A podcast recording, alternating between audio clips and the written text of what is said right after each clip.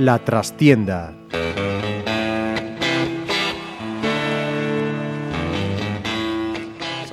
Amigos, os habla Ramiro Espiño en nombre de todo el equipo. Comenzamos una nueva edición de La Trastienda en Pontevedra Viva Radio y lo hacemos en un día muy especial para nosotros porque inauguramos con este programa nuestros nuevos estudios en la calle Michelena número 3 de Pontevedra. En esta fecha tan señalada nos acompaña un histórico del Pontevedra como Churruca. Bienvenido. Muchas gracias. Es que yo creo que si hablamos de Suso y apellido, como que no te conoce nadie. ¿no? Me parece que no, ni en casa. Ni, ni en Caldas ni en ninguna otra parte. Eh, tenemos también un hombre que ha pasado por muchos cargos y puestos en el Club Granate, ha hecho casi de todo y actualmente vuelve a entrenar al filial, el Pontevedra B, con la meta de conseguir lo que ya logró hace unos años, devolverlo a una categoría más acorde para el trabajo de formación. Santi Mariño, ¿cómo estás? Hola, ¿qué tal? Buenas. Y otro pontevedrés por los cuatro costados, aunque su trayectoria profesional lo haya llevado momentáneamente al Deportivo primero y ahora a La Rosa como entrenador de porteros. Habitual seguidor de todo el deporte local, repite nuestra tertulia, Jaime García Formoso. Muy buenas. Hola, buenas tardes. Gracias por la invitación. Ya conocías los estudios anteriores, en esto un poquito más cómodos Sí, y amplios. ¿no? Cambio para mejor, sin duda, la verdad. Bueno, pues lo que importa es que cambie nuestro deporte y evidentemente que cambie en primer lugar el Pontevedra, que es lo que de alguna manera nos une a todos y a la inmensa mayoría de los que nos están escuchando. Que no salieron bien las cosas el sábado. ¿Quién empieza? Yo lo dejo a Churruca que empiece. Por, por, años, ¿no? Por, por galones. Por, galo- por, galones. No empezaron bien las cosas, pero yo creo que la, la liga está eh, aún en pañales. eh, cuando se va a decidir va a ser a partir de febrero, que es cuando ahí es donde el fondo de armario de los equipos es donde se empieza a notar. Y bueno, yo mm, este año no tuve la ocasión aún de, de asistir a ningún partido, pero por lo que me cuentan mis amigos, pues están bastante ilusionados, que, que parece ser que bueno que el equipo mm, pues eh, ilusiona un poquito, no sé la, la impresión que tenéis vosotros. Sí, yo lo que, lo que he podido ver, vale, he visto pues, algún partido en pretemporada por la parte que me toca también de, de entrenador del filial. Y el otro día que, que, bueno, pues por razones tuve que asistir a, a, a Pasarón, vale, porque debería haber estado en otro sitio, pero, pero tuve que asistir a Pasarón. Y la verdad es que entre todo lo que he visto en entre entrenamientos, partidos y el otro día, creo que el equipo de este año en cuanto a plantilla supera, supera lo del año pasado, lo cual ya era necesario porque, porque la, categoría sí lo demanda. ¿no? Yo creo que este año la categoría es más complicada, más difícil y creo que este año pues, pues el equipo es mejor, sinceramente, hay más competencia, hay mejores jugadores y veremos si eso significa mejores cosas, lógicamente, esperemos que sí, claro. Jaime, no sé si habrás podido ver mucho este año todavía al Pontevedra, porque tus obligaciones con el Arosa hacen que coincidan muchos partidos, ¿no? Pero aunque sea la distancia, que tú que has estado dentro también, ¿qué, opinión tienes? A mí me consta que la plantilla es de superior nivel a del año pasado. Ya el año pasado, para mi gusto, conocía bastantes jugadores. Era una plantilla considerada apta para... Bueno, el objetivo que se consiguió fue conseguir la permanencia. Y yo, hombre, ver que una plantilla se permite el lujo, a mi modo de ver, de tener a Mourinho en el banquillo, a Jacobo en el banquillo, habla muy bien del resto de jugadores. Y yo creo que es una temporada ilusionante, si todo, si no hay lesiones y luego otros aspectos que puedan dificultar la trayectoria. Pero yo estoy ilusionado con este equipo, la verdad. Lo que pasa es que todos vosotros sois hombres de fútbol y lo sabéis. En el fútbol, bueno, pues tenemos obviamente modo de justificar absolutamente todo lo que pase. Si ganamos pronto porque empezamos como tiros, mejor. Si no ganamos pronto, pues ya veremos lo que decía Churruca en febrero. A mí esas cosas me dan miedo porque tú y yo, Churruca, que ya podemos contar unas cuantas batallas en esto del fútbol. Eh, recuerdo un entrenador hace muchos, muchos años en el Pontevedra que os llevaba a entrenar a la Junquera, a tirar piedrecitas al río, decía que no era conveniente cansarse y desgastarse mucho, porque así en la segunda vuelta íbamos a pillar a todos los rivales cansados y nos los íbamos a comer. El problema es que cuando llegamos a diciembre estábamos descendidos. Vamos a ver. eh, en la preparación física, pues a veces dos más dos nunca son cuatro. Entonces, eh, influyen muchas cosas. Influyen tanto como tú bien sabes los, los desplazamientos. Eh, eh, cuando Eh, ahora, aunque hoy los medios de comunicación han avanzado mucho, pero claro, tener como en nuestra época hacer viajes de 18, 20 horas en autobús, 18, 20 horas seguidas. Pero qué bien nos lo pasábamos. Bueno, pero esas son otras batallas. Entonces eso influye mucho en los equipos. Eh, entonces eh, la preparación física yo creo que después también depende de los jugadores que tengas. Hay jugadores que tienen que tener más físico, otros jugadores que a lo mejor son más rápidos, no te necesitan tanta fuerza. Es decir, es un conjunto de muchas cosas que se tienen que dar y después, claro, la fuerza mental también del, del grupo, que es muy importante.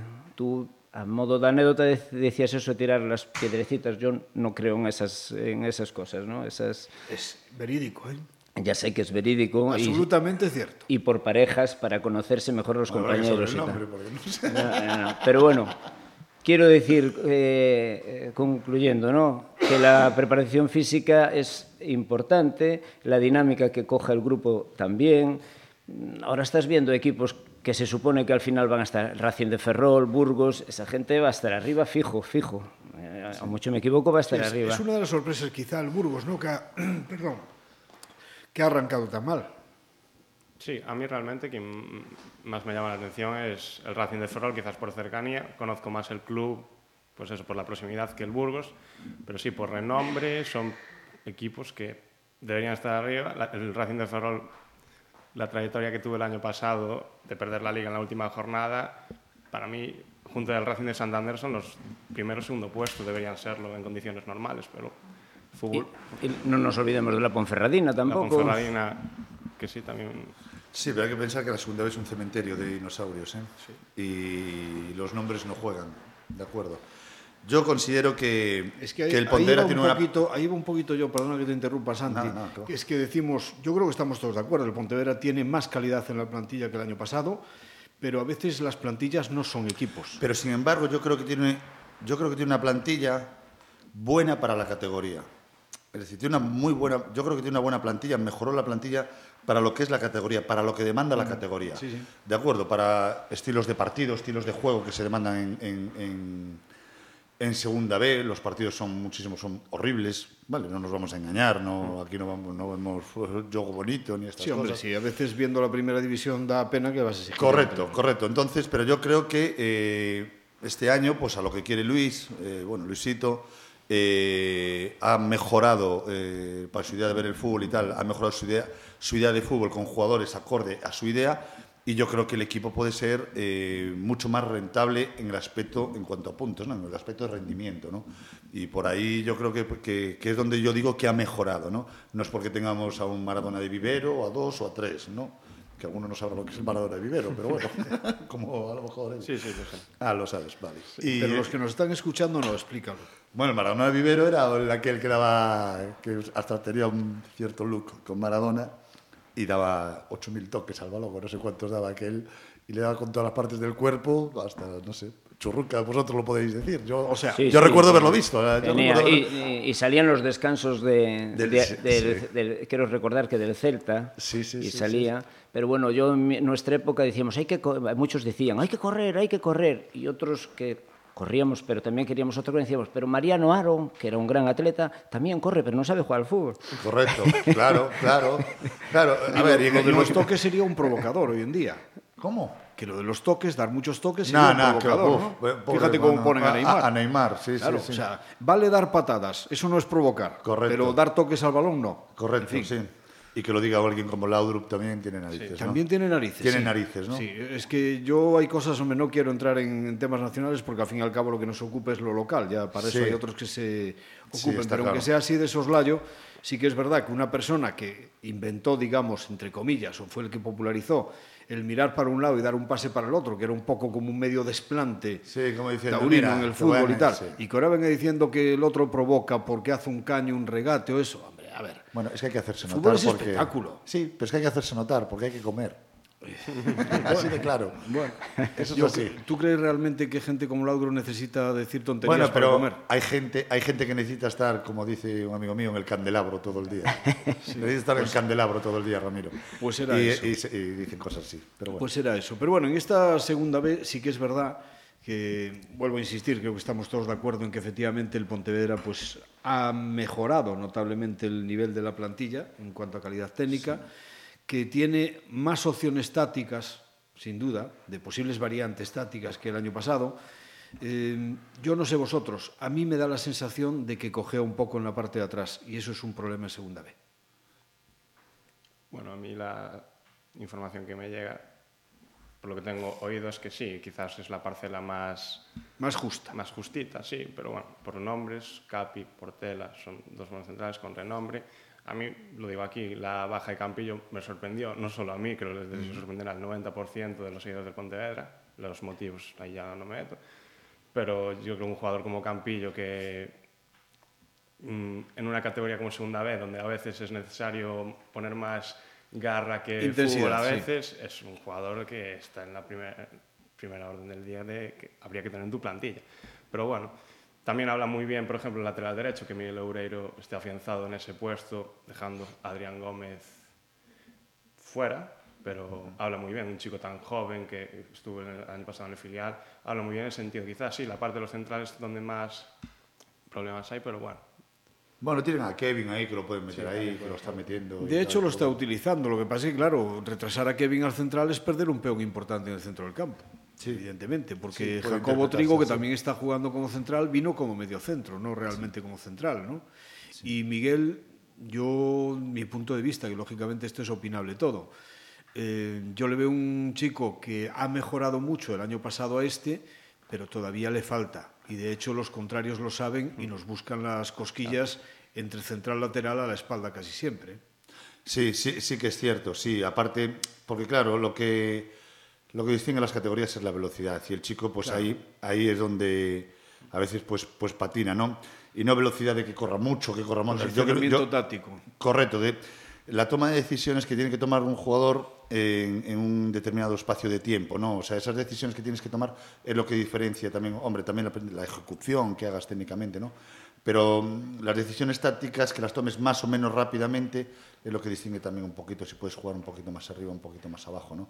Y a Miguel ahí, pues bueno, el otro día pues yo también, eh, que, tuve ocasión de ir al partido, y como dije antes a otros más, sí que le cuesta, pero bueno, estos minutos yo creo que le están viniendo de perlas, yo creo que Luis, pues apostar, también por una persona, por un chico de la cantera y dejar a lo que era, pues bueno, el capitán, ¿no? Del año pasado en el banquillo, a Adrián, que también es un chico que yo conozco, que, que tuve oportunidad de entrenar, pues la verdad es que, bueno, que está muy bien y que, estos minutos que tiene el chico Miguel ahí le está viniendo de perlas.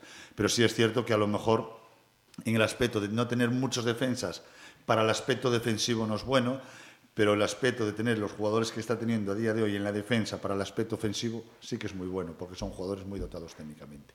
Quizá le falta un poquito en el lateral izquierdo, donde está yo, Bonilla muy solo. Yo voy a... Tendría que volver Churruca ahí. Yo voy, sí, sí. ¿Qué les dieras como Churruca? Yo, yo, voy a romper un poco, no, no voy a entrar en los, en, en, en los jugadores, porque sí. no, no, carezco de, de, de perspectiva para, para enjuiciar, ¿no? pero yo voy a romper una lanza siempre en favor de la cantera, siempre. Y voy a hacerlo desde la perspectiva histórica y lo que me tocó vivir a mí, ¿no? Pues, eh, algunos, yo vine aquí eh, como, nada, con 16 años y de extremo. Yo era un extremo izquierdo o derecho, daba igual, eh, extremo. Y bueno, eh, los, eh, un entrenador en un partido determinado, porque el equipo jugaba siempre al fuera de juego, me puso de lateral. Decía, la única forma de romperlo era tal. Y me puso de lateral. Yo de lateral, ni idea, vamos. Yo marcaba al revés. Eh, yo porque Sánchez me ayudaba, me decía, churro, al otro lado. Yo marcaba al revés. Y bueno, muy bien, yo era muy veloz, que era mi característica la habilidad y la velocidad Y bueno, poco a poco me fui afianzando en, en, esa demarcación. Es decir, tenemos que tener un poquito de confianza en la cantera y dejar, darle tiempo, porque para mí la cantera, un jugador de la cantera da un plus más que otro jugador. Otros me dirán que no, que todos son profesionales, que todo tal. Yo, mi vivencia personal es de que hay que contar siempre con la cantera. Yo solo quiero... Eh... Estoy de acuerdo. No, no, no cabe duda. De hecho, de yo creo que el mejor jugador de largo que tenemos ahora, por lo menos con, con más posibilidades y demás, es Kevin Presa. Correcto, que además, que lleva, lleva, desde niño. ¿eh? Y que además ha elegido quedarse aquí, pudiendo sí. haberse ido a otro lado. Cosa que a lo mejor en otros casos... Jugador, para, jugador que a mi modo de ver, para otra categoría también, ¿eh? Sí, que sí, cubre sí, mucho, cubre mucho campo. ¿eh? Sí, sí, sí, yo estoy totalmente de acuerdo con él. A ver, lo que pasa es que la cantera estos últimos años, eh, yo no voy a decir nada nuevo, yo este año estoy entrando al filial, pues lleva tiempo sin estar vinculado al club, eh, pero sí que lo he estado durante muchas fases y épocas de mi vida y el fútbol base estaba hecho unos zorros últimamente, o sea que yo no había por dónde cogerlo y, y y bueno, y la parte que a mí me toca ahora este año y, que veo que, que, a mí me toca solo el filial, no quiero saber nada más de lo demás, pero sí que veo que, que hay otras parcelas del fútbol base que se están empezando a trabajar con, con mimo, con organización, con dedicación, metiendo cada vez más gente ¿no? en cuerpos técnicos, metiendo de coordinador a un chico que es jugador mío, Jesús, y tal, y que podrán tener mayor, mejor eh, conocimientos, experiencias y tal, pero lo, que, sí yo estoy viendo es que hay mucha dedicación ahora mismo, está habiendo mucha dedicación. Y eso es muy importante, porque yo la época pasada que más recuerdo es la de Tonino, cuando estuvo Tonino editor, que de un día para otro le dijeron, Tonino, muy bien, hemos ascendido, el Pontero está en segunda división, mira, te pones aquí y ahora te vas a poner aquí de coordinador de fútbol base, porque fue así, de un día para otro. Y Tonino llegó allí, el pobre, con toda su buena voluntad, que era un trozo de pan y tal, y la verdad es que hizo un trabajo alucinante. Hizo un buen trabajo, el fútbol base tuvo muchos logros y ahora yo creo que se está empezando a coger un poquito ese camino.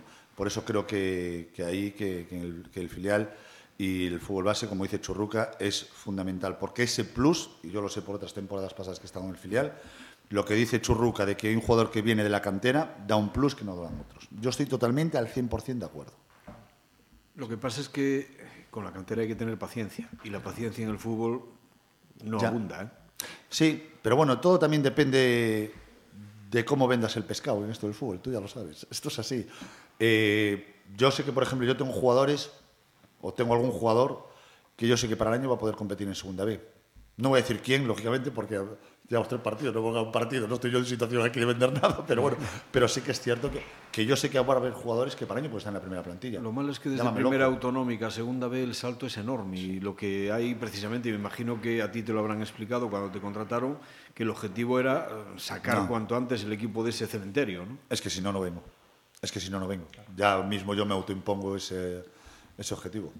Porque es Pacien- paciencia, paciencia y paciencia. Yo creo que podemos hablar de muchos casos. Eh, en, en nuestra época no se tenía ninguna paciencia, no es decir, una poquita, ninguna. Y a lo largo de la temporada a veces se fichaban porque no había este control que podías fichar hasta tal fecha, de- eh, porque como alguien fallara un partido, eh, aparecía uno de Murcia, de aquí, eh, fichado. Es decir, y sí es cierto que a ese, a ese jugador de fuera a lo mejor se le permite, es decir, no, bueno, no lo juego muy bien, pero se le ve, se le ve, se le ve. Y al de casa, "Ah, este, rapa, este rapacinda está muy verde. Bueno, yo creo que con la... Con la eh, bueno, evidentemente estamos hablando de jugadores que se le ve que tienen una trayectoria, que tiene, que tiene una calidad, ¿no? Es decir, yo no estoy defendiendo la cantera, la- de todos los de la cantera, no. Pero creo que, que hay que tener un poquito de paciencia. Los jugadores que tienen proyección, eh, pues hay que apoyarlos y, animarlos y mimarlos. Y yo creo que la afición de Pontevedra, yo, hablo en mi caso, yo he sido un privilegiado de- de- del apoyo de la afición. No tengo más que, bueno, nada. No, puedo, no tengo palabras para agradecer siempre el apoyo de la gente. Entonces yo creo que la afición de Pontevedra es muy eh, sabedora del fútbol, muy eso, eh, yo creo que, que va a apoyar a la cantera y porque aparte el futuro nuestro tiene que ser ese. Sí, El futuro, habiendo, del, habiendo lo que hay. el futuro del Pontevedra y de otros muchos. Lo que pasa es que volvemos un poquito a lo que comentábamos antes. Al, mar- al margen de la paciencia, el peor enemigo de la cantera es la cartera. Y lo digo porque cuando los clubs tienen cartera, se olvidan de la cantera. Tenemos un ejemplo muy cercano, creo, aquí con el Celta de Vigo, Celta, que se vio obligado a recurrir a la cantera cuando no tenía un duro, estaba en, en concursal, Y le etcétera, salvó que etcétera. tenían una cantera magnífica y que subieron un montón de chicos. Pero le salvó eso, pues pero no el Celta hoy donde estaba. Fijaros lo que está pasando incluso ahora con el Celta B, que, que hemos jugado el, el sábado con ellos. Y hombre, cantera, cantera, la del Celta B, cuando están fichando a golpe de talonario por toda España, incluso por el extranjero, ¿no? Sí, sí, no tan jóvenes. ¿no? Sí, eh, nosotros jugamos en pretemporada contra el Celta B y yo veía jugadores que decía, este chico eh, quién es, no lo recuerdo juveniles, pues conocía a Yago Martínez, que estuvo en el Pontevedra, pero luego veías a jugadores que decías, ¿y este? ¿De dónde salió? Pasa también un poquito en el Deporte que me queda más cerca, trae mucho jugador catalán.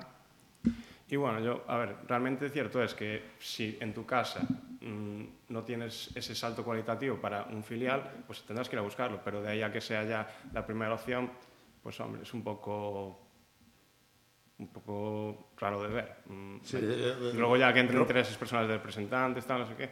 A mí me queda cerca el tema del Deporvé. Ahora, en el momento que marchó Lucas, eh, se habla muchísimo de Oscar Pinchi. Venía de hacerle cinco goles al uh -huh. Compos, es un jugador espectacular, extraordinario. A mí, Oscar Pinchi aún tiene 20 mm, años. Para jugar en primera división, pasando en tercera, pocos jugadores pueden hacerlo. Lo que pasa es que mucha gente quiere eso de, Dios, hay que subir gente de la cantera, hay que subir gente de la cantera porque no, no porque quede bien, sino porque te ilusiona quizás más un jugador de tu casa que otro de fuera, pero también a veces tenemos que ver esa necesidad, si cumple las expectativas, si está a la altura. Sí, nosotros, fíjate, y, y, me toca de cerca este tema, ¿no? Por eso quiero intervenir. Nosotros tenemos jugadores, tengo un jugador de 33 años, uno de 31, uno de 27 y uno de 26, en el filial. Sí, eso nos explicas luego a ver cómo le vendemos a la gente y, el por qué, ¿no? En un filial sí, puede haber jugadores de Pero fíjate, edades. porque la experiencia sí me lo ha dicho. Yo en una primera etapa en el Pontevedra B, eh, éramos todos ni eran todos niños, hasta yo era bastante niño de entrenador, y nos sacudieron por todos lados. En la segunda etapa coincidí, pude traer eh, gente ya un poquito más experta, por estas edades, así un poquito y tal, y se consiguió el ascenso. Y ahora mismo la fórmula se está intentando aplicar un poquito a la misma, porque es necesario. Porque hoy en día eh, también eh, cuando vienen de juveniles juegan entre juveniles y cuando pasan a primera regional a Serie A o a, o a tercera juegan contra hombres y les cuesta horrores. O sea, todos los que estamos aquí estamos sintiendo prácticamente con la cabeza y es así. Yo tuve oportunidad de entrenar a aquellos chicos de juveniles de la generación de oro del Pontevedra que decían que no, bueno, que iban a ser todos los que iban tal, no sé qué, aquellos chicos, ¿no? Y yo recuerdo que jugaban en algunos en primera regional y otros en preferente y les costaba Dios y ayuda. ¿Por qué? Porque era jugar contra hombres. ¿no? Y por ahí el tema de conjugar un poquito gente veterana, que aparte lo hemos hecho en posiciones muy específicas, para tratar de ayudar a los más jóvenes a empujar hacia adelante, pues yo creo que, es, que va a ser una fórmula una fórmula buena. Ya lo fue en el pasado y yo espero que lo sea buena ahora. Y aparte es que es, eso es lógico, tiene que haber una mezcla. El porcentaje es igual que cuando yo estoy ahora aquí defendiendo la cantera. ¿Cuál es el porcentaje ideal? Pues no lo sé. 80-20, o sea, 20 de la cantera, 80 jugadores ya con experiencia en la categoría, pues no lo sé, a lo mejor es un 60-40. Entonces es siempre eh, tienes que tener pues jugadores que ya tienen experiencia. ¿Por qué? Por lo que acabas de, de contar, Santi, es que eh, después cuando te vas a enfrentar, eh, ves jugadores, hay jugadores de entrenamiento y hay jugadores sí. de partido. Desde, Grandes jugadores de entrenamiento con los partidos, sí. pues eh, le podemos dar, podrían venir psicólogos eh, a explicarnos sí. el porqué, pero es cierto. Y, y al contrario, jugadores que bueno que, que, que, que cuando no cuando cuando hay un cuando hay que sí, dar sí. el do de pecho y es cuando hay que estar bueno pues muy bien pues hay que prepararlo sí como se preparan pues con una mezcla de veteranía y juventud Efecti ayuda, efectivamente ayuda a mí me efectivamente claro yo a lo mejor tengo una perspectiva distinta porque claro yo empecé con, con 17 años y claro yo empecé con 17 años Norat debía tener 30 y no sé cuántos de primera división de sí. los resquicios del Aiquerruelo. Entonces, claro, yo era un niño, yo era un niño al, al, al, lado de ellos. Era el que llevaba los, los balones para la juquera, el que ayudaba a poner los cestones. Es, eso era antes, ¿eh? Claro, eso era eso. antes, que el pipiolo...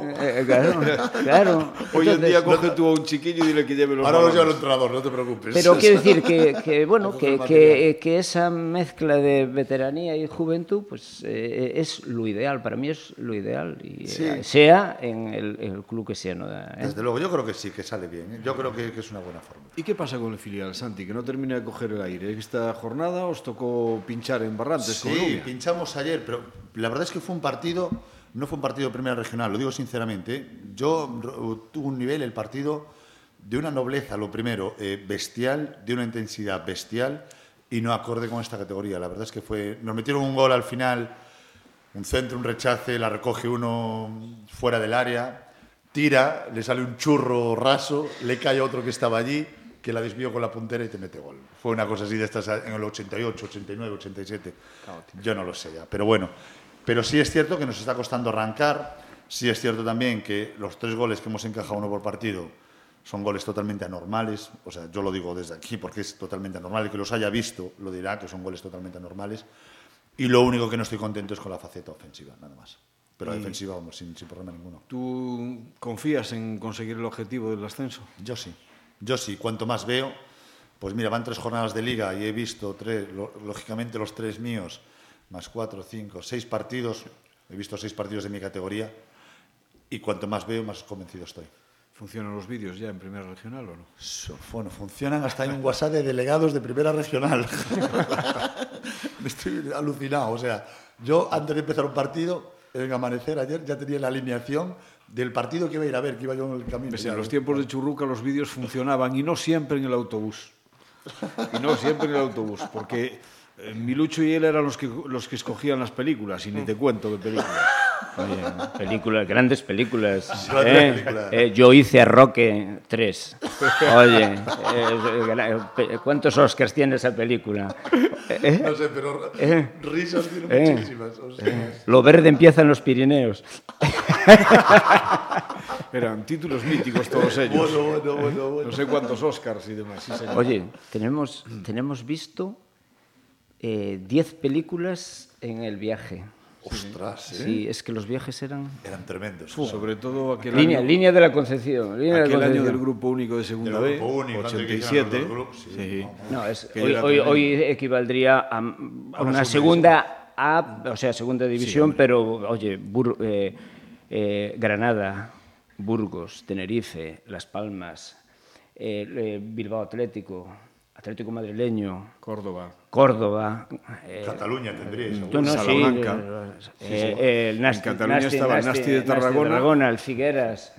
Bueno, Figueras, sí, sí, bueno, era... Yo me acuerdo de todo eso porque yo coleccionaba los carteles que hacía Imprenta Peón. Yo me acuerdo, los coleccionaba, ya no los tengo. Bueno, ¿qué me- oye, ¿qué me traes? ¿Para contar las batallitas? No, no, lo que pasa es que, bueno, siempre, siempre está bien recordar. Y, Está bien, está bien, sí, sí. sí. Sí, no, aquello era tremendo porque Alcoyano, por ejemplo, Sí. que tú sabes lo que es cuando llevabas 14 horas de autobús y decías tú, me quedan 50 kilómetros, joder, los últimos 50 kilómetros para llegar al Alcoy, aquello era terrorífico, era curva tras curva, la carretera de Noya era una reta Ando- completa. And- Andorra de Teruel. Uf. Y, y Andorra la Y Bella. Andorra la Bella, eso sí, eso ya siempre.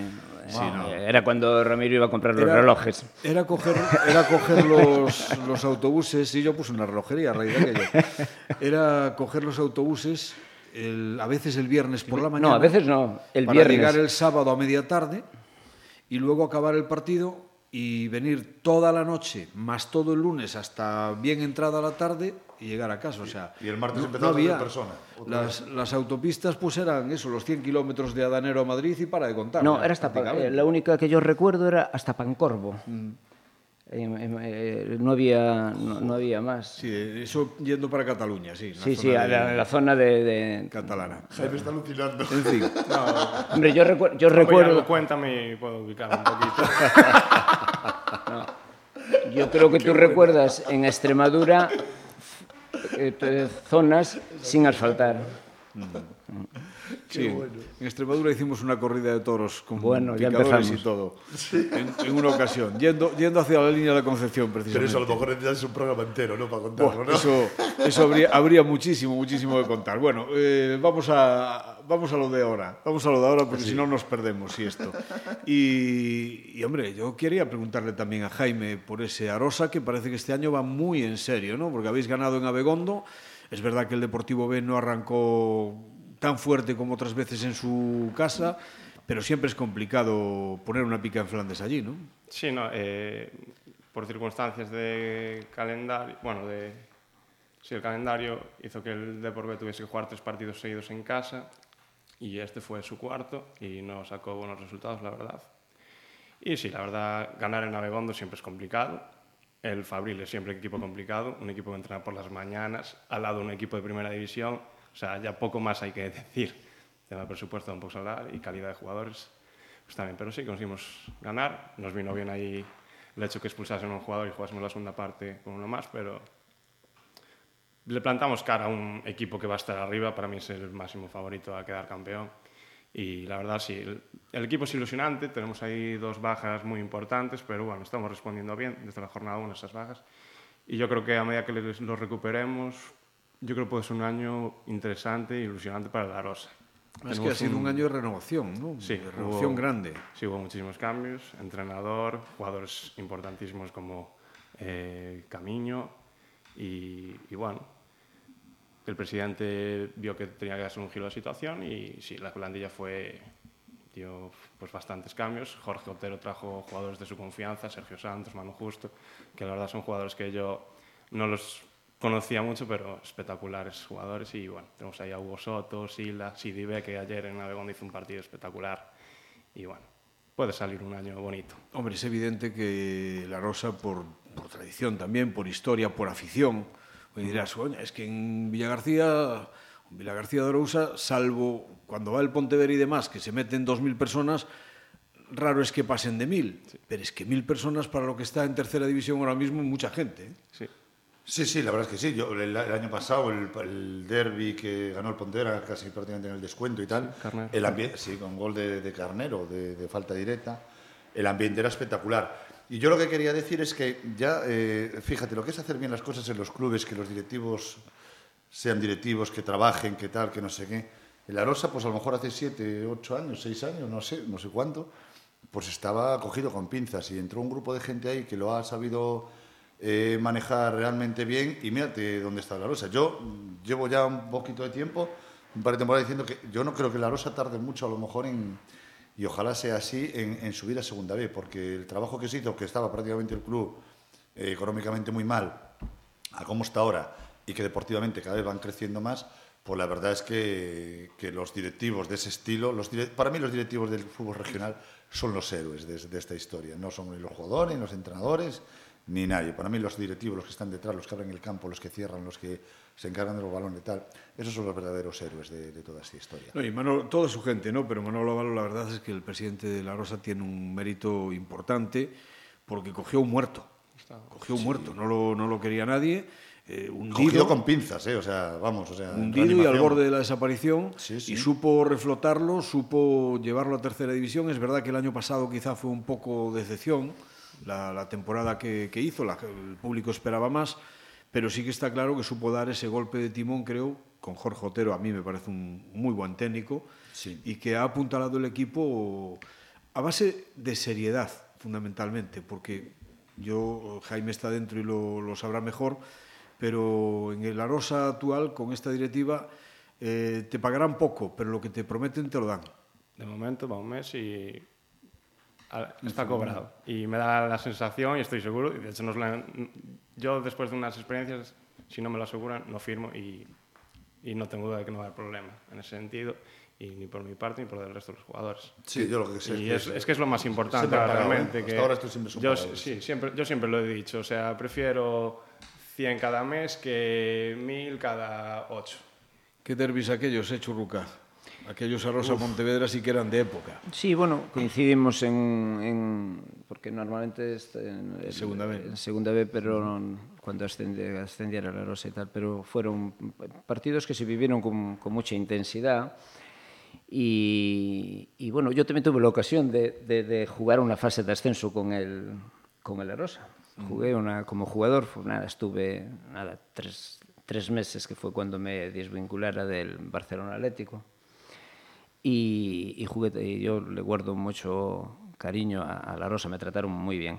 Y la verdad que aquellos partidos eh, los recuerdo con, también con mucho cariño, eh, estando Moncho, que después fue portero aquí en el Pontevedra, que era agresivo total, eh, macho de portero, recuerdo aquellos partidos y bueno, pasaron lleno, la lomba lleno, bueno, yo con creo que son lo que... Con Lezcano. Con Lezcano, eh, Guisande, sí, sí. Eh, que está, Guisande, aquella estaba, estaba Soneira, Soneira que después, pasou después pasó, pasó Rafa Sáez, Rafa, sí. eh, Milucho que vino. Fíjate que estamos hablando que tanto en el Pontevedra como en el Arosa en aquel entonces, y volvemos un poco al tema de la cantera, prácticamente todos los jugadores eran de aquí. Correcto, de la zona. Correcto, yo sí, yo sí. tengo un, un póster de Las donde se, el encabezamiento era en color, porque ya era en color de aquella, y ponía un Pontevedra totalmente gallego, lo, lo, lo tengo. Sí. Creo que nos quitaron allí en el Vicente Calderón la, la foto y yo la, la, la, tengo entre mis recortes. Tengo... Qué bonito, pues sí, sí, sí. pues sí, sí. Bueno, nos ponemos nostálgicos. Yo no quería cerrar sin hablar un poquito de balonmano, porque aquí en esta ciudad, lógicamente en Pontevedra sobre todo, el balonmano prima y Teucro y Cisne ya están en la división de honor B echando a rodar. Y yo sé además que Jaime es un fiel seguidor de, del balonmano, siempre que puede va tanto al pabellón municipal como al Centro Galego de Tecnificación y en este caso el sábado pues también le ha tocado ir a Príncipe Felipe, que era donde el Teucro jugaba en el exilio, ¿no? ¿Cómo lo has visto? Bueno, fui la segunda parte porque por motivos personales tuve que ir a Caldas y llegué para la segunda parte y bueno, llegué con un Teucro que estaba creo que cinco goles arriba y no sé, llegué yo y igual les puse nerviosos y empezaron a fallar ocasiones, exclusiones tontas y el Covadonga se puso ahí cerquita, no llegó nunca a empatar el partido, pero sí a una diferencia de dos goles. Y vi a un Teucro un poco impreciso, fallón, bueno, lo que suele pasar con todos los equipos ahora que ha empezado la liga. Verde, ¿no? Un poco sí, por hacer, como sí, equipo, falta, me refiero. Bueno, un poquito, pero yo estoy seguro que Quique es un entrenadorazo, lo va, va a conseguir reajustar esas piezas y yo espero que el Teucro haga un buen año, que esté arriba y por parte de Cisne su objetivo está claro que es salvarse y espero también que lo consiga y estoy deseando que llegue ese Cisne Teucro porque creo que es lo que toda la ciudad desea que llegue lo antes posible. Va a ser bonito, va a ser bonito sin duda el revivir un, un derby sí. en, en, esta categoría en División de Honor B, obviamente con objetivos muy diferentes, el Teucro sin obsesionarse, pero claro. va a buscar el ascenso, el Cisne con la permanencia desahogada y yo creo que equipo ha hecho para ello. Francamente, a mí me gusta mucho el equipo que, que ha montado el Cisne. ¿no? Si, las, si la suerte le, le acompaña, la verdad es que fue una lástima el otro día que se le fue el partido en Córdoba en el último suspiro, en los últimos 10 minutos, después de dominarlo todo el partido. Pero, sin embargo, el partido inaugural de Liga aquí hicieron un muy buen partido, sacaron la victoria sin, sin holgura. Y efectivamente, bueno, pues Teucur Cisne, que también tendrán su cabida, lógicamente, en esta trastienda en ediciones sucesivas, eh, tienen ante sí un, año ilusionante y en el que espero también que la afición les acompañe, porque en el caso de Teucro siempre es complicado venir de, de arriba abajo, pues hay ese aficionado de aluvión o de conveniencia que abandona el club, ¿no? Las, esto va por barrios, ya se sabe, ¿no? Y tal. Pero bueno, los que yo, por ejemplo, aparte de gran aficionado al balonmano, yo creo que en, en mí, eh, en cuanto a gustos deportivos, el fútbol y el balonmano compiten, porque a mí me gusta tanto el fútbol como el balonmano, ¿no? Sí es cierto que últimamente, pues porque no vivo aquí en la ciudad, eh, vivo un poquito lejos, pues no puedo venir todo lo que, quisi, lo que sí quisiera, pero lo que sí tengo muy claro es que un histórico como el Teucro y también el Cisne merecen todo el respeto y todo el cariño de la gente y, y sobre todo cuando tener la ciudad de Pontevedra dos equipos en división de Norbe con uno con posibilidades de irse para arriba, no creo que haya muchas ciudades que lo puedan, que lo puedan decir, ¿no? Entonces, por ahí eh, la gente tiene que ser consciente de ello y que, y que necesitan el apoyo, el apoyo de la gente. ¿Ves? Churruca, por ejemplo, le gustaba el balonmano cuando existía el Caldas. Ramiro lo que quiere es que diga que él era un gran jugador de balonmano. No, no, no, normalito de todo. Normalito eh, de todo, pero bueno, eh, el Caldas... Y le gustaba que el campo estuviera, porque jugaba en campo de cemento y que llovía, ¿eh? que no estaba cubierto, y entonces le, le, tiraba al bote para que rebotara más fuerte. Aquello, eh, eh. aquello no salían con la mopa en cuanto se mojaba nah, nah, nah, nah, Pero bueno, yo también sigo, o seguí bastante el balonmano, y en aquella época, cuando eh, aquí este, jugaba en Pontevedra, estaba en División de Honor el, el Teucro, iba, iba a verlos de vez en, había un ambientazo y, y sigue habiendo aquí siempre fue tiene tradición el balonmano y, y, en el Cisne compañeros de instituto jugaron muchos así que eh, yo les deseo lo mejor a los dos clubes Bueno, y ya para ir terminando, cuéntanos, Churruca, absolutamente desvinculado del fútbol, salvo en la faceta de seguidor, digamos. ¿no? Sí, eh, yo sí nunca, me... nunca se te dio por no, tengo tengo colaborado con juveniles así en plan preparado, preparación física y tal, pero no, no, no, no, yo no me veo con carácter para, para, para entrenador. Y entonces pues nada, el, no, no puedo ni jugar porque tengo un problema de columna y, y, no puedo ni jugar, no, solo nado y, y camino y nada más. Pero bueno, eh, yo el Pontevedra para mí es, ha sido mi vida siempre. Soy aficionado al Pontevedra desde los cinco años. Hombre, viene de familia, ¿no? Porque tu sí, padre mi padre es, eh, en, en, el equipo que cuando se fundó el, el, el, Pontevedra, Iriña y Alfonso, mi padre es, es jugador del, de, la, de, la, primera, sí, compañero de Carolo, Foro, toda esta gente, ¿no? Y con, con, el mismo mote, Churruca. Sí, es, eh, y bueno, y mi hijo también, y, y, mi hijo también le, le llaman Churruca y bueno, y, y seguiremos así. Pero bueno, eh, yo eh, ya te digo, soy desde el Pontevedra, pedía cuando estaba en primera división, venía a verlos con 5 o 6 años y, y, siempre, y mira, que me iba a decir que iba a cumplir una ilusión de jugar al fútbol en, en el equipo de... Pues estamos en la temporada del 75 aniversario, algo, espero que algo se haga en ese aspecto también, pues para que toda esta gente que, que es, que sigue siendo, no es que haya sido eh, parte integrante del Pontevedra Club de Fútbol, pues tengáis vuestro huequecito, ¿no? Bueno, ya, yo con, con que el Pontevedra se mantenga ahí firme que, que, tenga opciones de, de, ascender o que se mantenga que mantenga la ilusión en la gente que es lo, al final lo que lo que vale. Pero te digo una cosa para la juventud va esto no no hay que ser del Madrid ni del Barcelona eh, tal porque a mí me preguntan siempre tú de qué equipo eres del Pontevedra bueno pero pero y de equipo no no del Pontevedra pues claro. hay que ser del Pontevedra Claro, ya está. No, a ver, yo sí soy del Barcelona, lo confieso, pero siempre digo cuando me preguntan que por este orden, Atlético Cuntis, no, no, no. El corazón y Barcelona. No hay en el corazón no hay orden. No, hombre, a ver, es que el Atlético Cuntis nunca va a jugar contra el Pontevedra y el Pontevedra esperemos que algún día vuelva a jugar con el Barcelona. En ese momento te aseguro que no habrá Barcelona, habrá Pontevedra.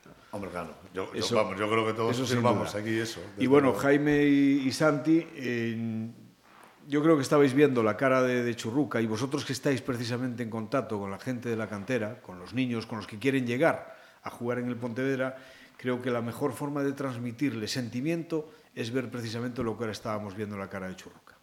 Sí, sí, yo de verdad lo estaba escuchando y hablaba de su padre y tal, y todo era, yo lo estaba viviendo como si yo fuera ese niño que tú estás comentando ahora, ¿no? Y como, y como él, con la ilusión con la, con la que él lo estaba contando porque, claro, son muchas vivencias. Yo a él lo vi jugar, tuve la suerte de verlo jugar y, y caray, ¿no? Es... Los chavales de ahora son muy diferentes antes, muy, muy, muy, muy diferentes.